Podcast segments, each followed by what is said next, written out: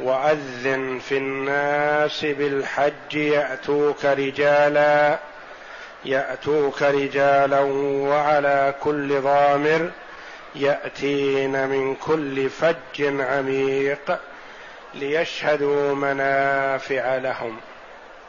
مجيئهم للحج ليشهدوا منافع لهم. ليشهدوا أي ليحضروا. منافع لهم جاء بها جل وعلا نكرة منافع لتعم منافع الدنيا والآخرة. ففي الحج منافع عظيمة منافع دنيوية اجتماعية وتجارية وسياسية ومنافع أخروية مغفرة من الله جل وعلا ورحمة. ليشهدوا ليحضروا منافع لهم وهي كما قال ابن عباس رضي الله عنه وقال غيره من علماء السلف منافع الدنيا ومنافع الآخرة. فأما منافع الآخرة فرضوان الله تعالى. وأما منافع الدنيا فما يصيبون من لحوم البدن في ذلك اليوم والذبائح والتجارة وغير ذلك.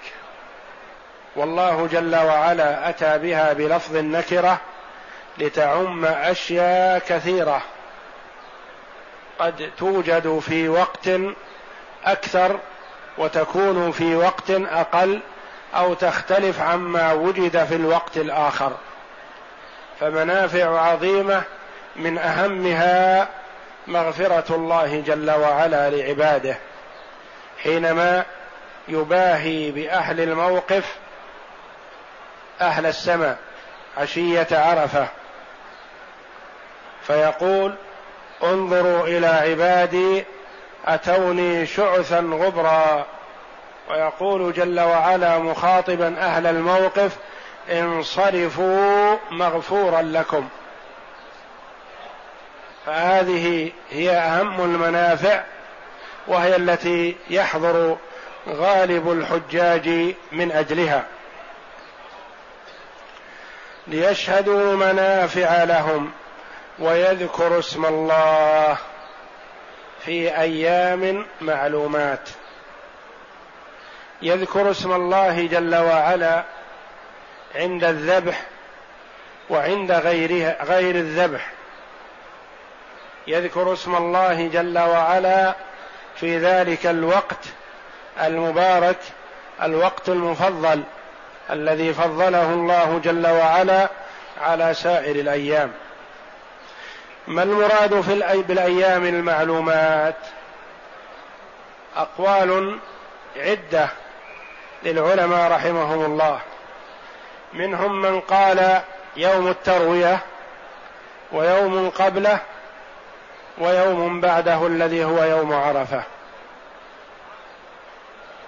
ومنهم من قال هي أيام النحر يوم العيد وثلاثة أيام بعده. ومنهم من قال هي يوم عرفة ويوم النحر ويومان بعده. ومنهم من قال هي عشر ذي الحجة. وقد ورد الحديث الصحيح في فضيلة عشر ذي الحجة في قوله صلى الله عليه وسلم ما من أيام العمل الصالح فيهن أحب إلى الله من هذه الأيام يعني أيام العشر. قالوا ولا الجهاد في سبيل الله. قال ولا الجهاد في سبيل الله إلا رجل خرج بنفسه وماله فلم يرجع من ذلك بشيء. ولذا فضل بعض العلماء عشر ذي الحجة على العشر الأواخر من رمضان.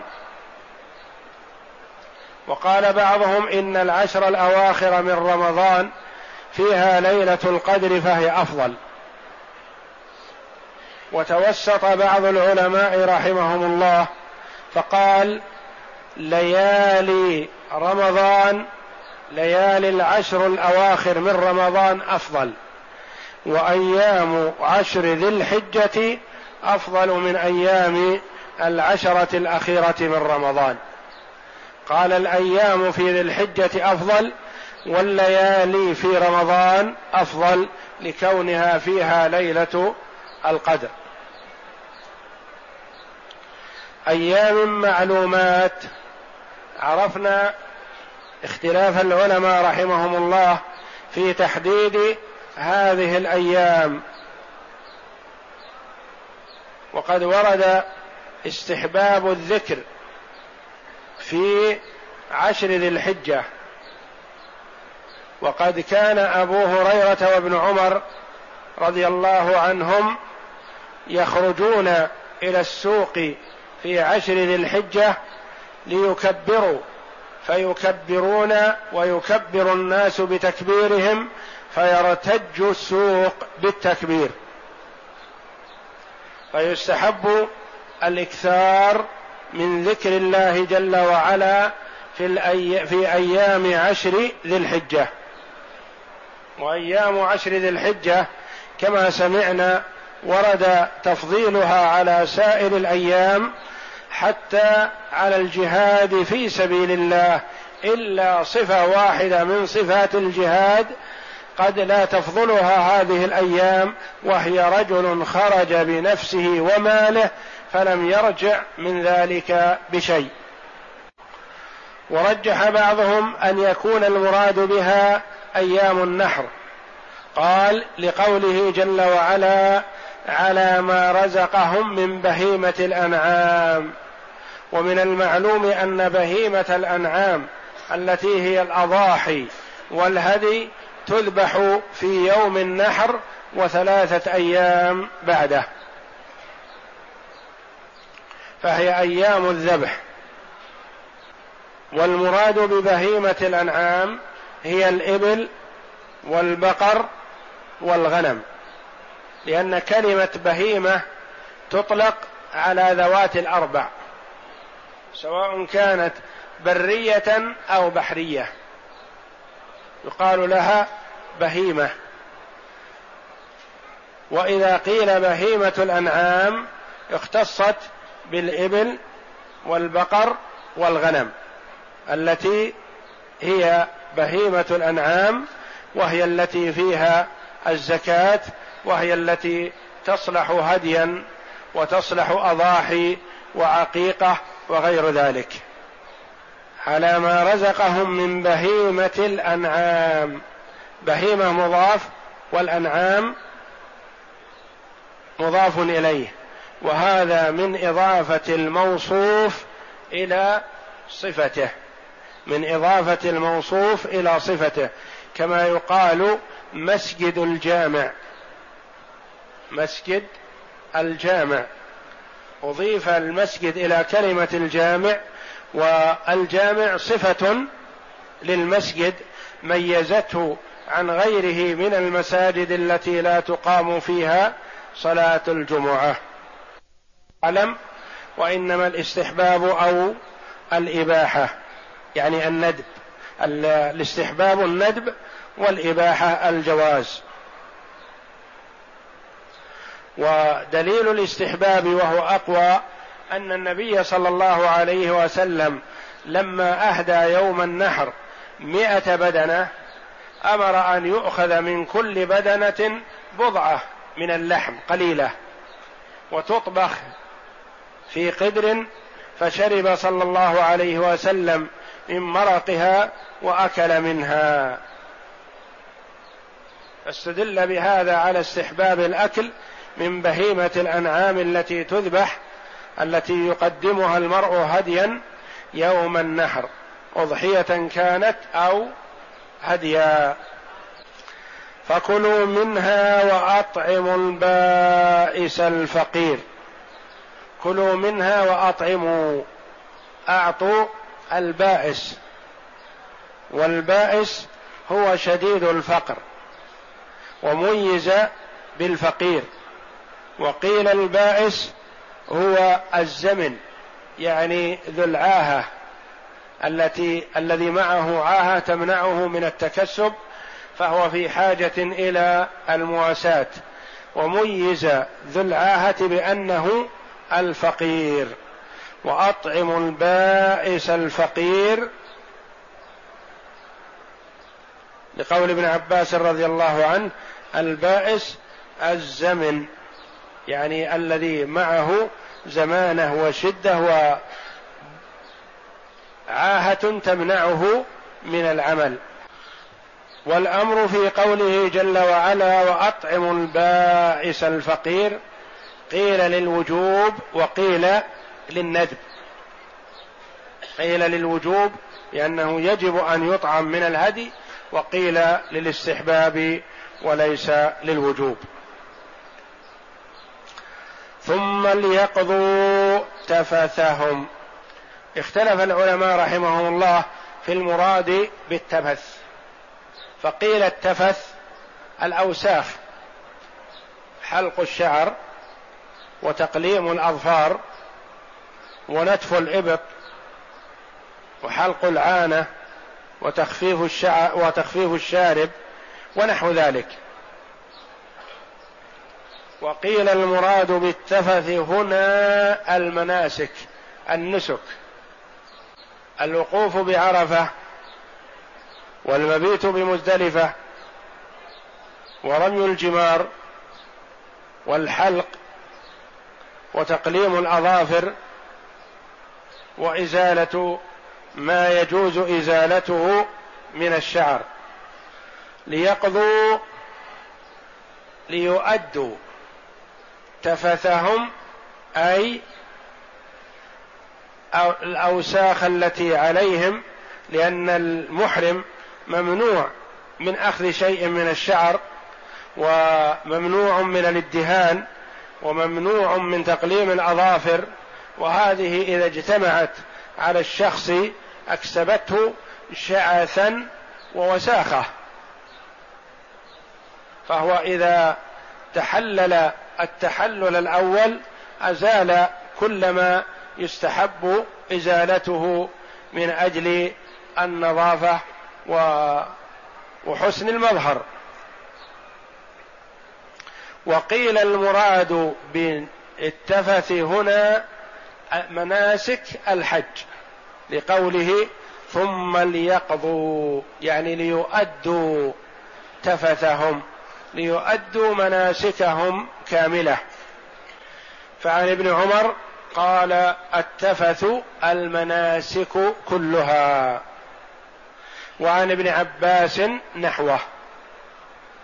وعنه قال أي عن ابن عباس التفث حلق الرأس والأخذ من العارضين ونتف الإبط وحلق العانة والوقوف بعرفة والسعي بين الصفا والمروة ورمي الجمار وقص الأظافر وقص الشوارب والذبح.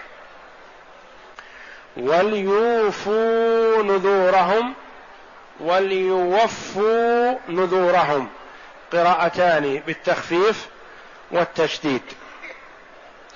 والنذر ما أوجبه الإنسان على نفسه من غير أن يكون واجبا عليه بأصل الشرع. وقد قال النبي صلى الله عليه وسلم عن النذر إن النذر لا يأتي بخير وإنما يستخرج به من البخيل.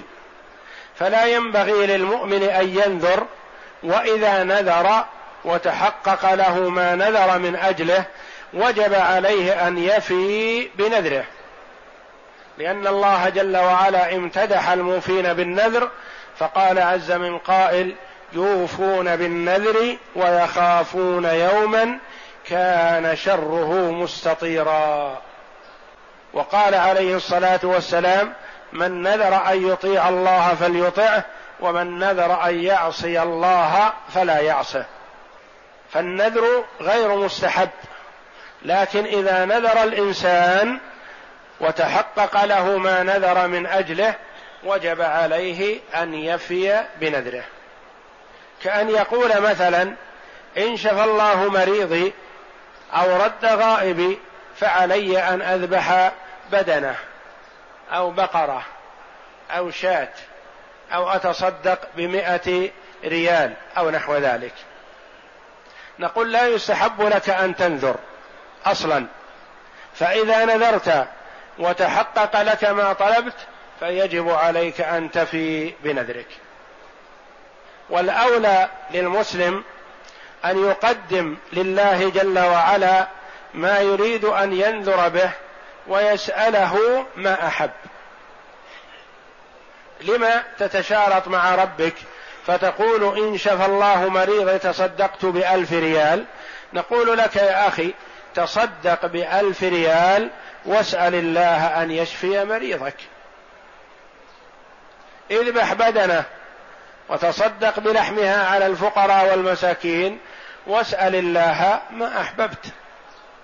ولا تتشارط مع ربك وتقول إن أعطيتني يا ربي كذا فعلت كذا. ولذا قال النبي صلى الله عليه وسلم إن النذر لا يأتي بخير وإنما يستخرج به من البخيل. لكن إذا نذر الإنسان وتحقق له المنذور من أجله وجب عليه أن يفي ولا يجوز له أن يخلف. وليوفوا نذورهم لأنه كثيرا ما ينذر المرء مثلا يقول إن بلغني الله بيته الحرام فعلت كذا وكذا. فإذا تبلغت بيت الله الحرام فأوف بنذرك. أدي ما نذرت ما نذرت به. وقيل المراد بالنذر هنا أعمال الحج كلها. المراد به أعمال الحج كل أعمال الحج تدخل في الوفاء بالنذر ليوفوا نذورهم. والأمر هنا في قوله جل وعلا ليوفوا نذورهم وليوفوا نذورهم للوجوب. وليس للاستحباب لأن الوفاء بالنذر واجب. وليطوفوا بالبيت العتيق. المراد بهذا الطواف كما قال ابن جرير رحمه الله بإجماع أهل التأويل يعني أهل التفسير أن المراد به طواف الإفاضة ويسمى طواف الزيارة ويسمى طواف الحج وهو ركن عظيم من أركان الحج. ومحل هذا الطواف من بعد عرفة. والاستحباب أن يكون ضحى يوم العيد كما فعل النبي صلى الله عليه وسلم. بعد رمي جمرة العقبة والحلق أو التقصير ونحر وذبح الهدي لمن كان عليه هدي. يأتي بعد ذلك بطواف الإفاضة. وليطوفوا والأمر هنا للوجوب. وليطوفوا بالبيت العتيق سمي العتيق لأمور كثيرة. قيل سمي بالعتيق لأنه قديم فهو أقدم بيت لقوله جل وعلا إن أول بيت وضع للناس للذي ببكة مباركا وهدى للعالمين. فسمي عتيق لأنه قديم والقديم يقال له عتيق. وسمي عتيق لأن الله جل وعلا يعتق فيه من الرقاب ما لا يعتق في غيره. والحج المبرور ليس له جزاء إلا الجنة.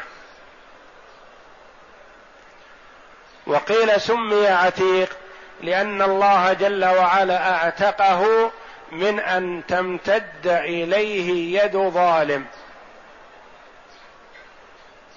فكل من هم بإهانة بيت الله الحرام في قديم الزمان وحديثه أهلكه الله وأخزاه.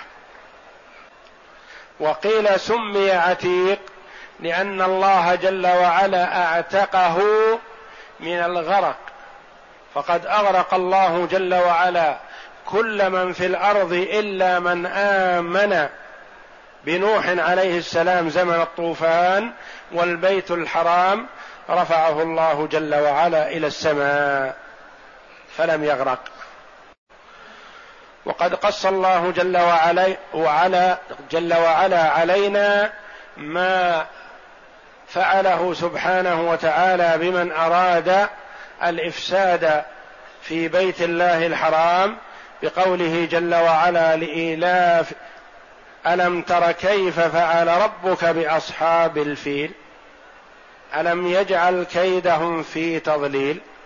وأرسل عليهم طيرا أبابيل ترميهم بحجارة من سجيل فجعلهم كعصف مأكول. أفناهم الله جل وعلا عن آخرهم لأنهم أرادوا هدم البيت الحرام فأفناهم الله جل وعلا ولم يسلم منهم إلا واحد. ذهب ليخبر فلما أخبر وأعطى الخبر كاملا قومه جاءه حجر حجره فأهلكه بين يدي قومه. وليطوفوا بالبيت العتيق. والطواف بالبيت كما هو معلوم ركن من أركان الحج. فأركان الحج هي نية الدخول في النسك والوقوف بعرفة وطواف الإفاضة والسعي. فهذه الأركان لا يتم حج المرء حتى يأتي بها. وأما الواجبات فيجبرها الدم. وأما المسنونات فلا تحتاج إلى جبر. إذا أتى بها المرء فحسن وإن لم يأت بها فلا إثم عليه وحجه صحيح. وقد بين النبي صلى الله عليه وسلم ثواب الحج الذي خلي من الرفث والفسوق من حج فلم يرفث ولم يفسق رجع من ذنوبه كيوم ولدته أمه وقال عليه الصلاة والسلام العمرة إلى العمرة كفارة لما بينهما والحج المبرور ليس له جزاء إلا الجنة. والطواف بالبيت انواع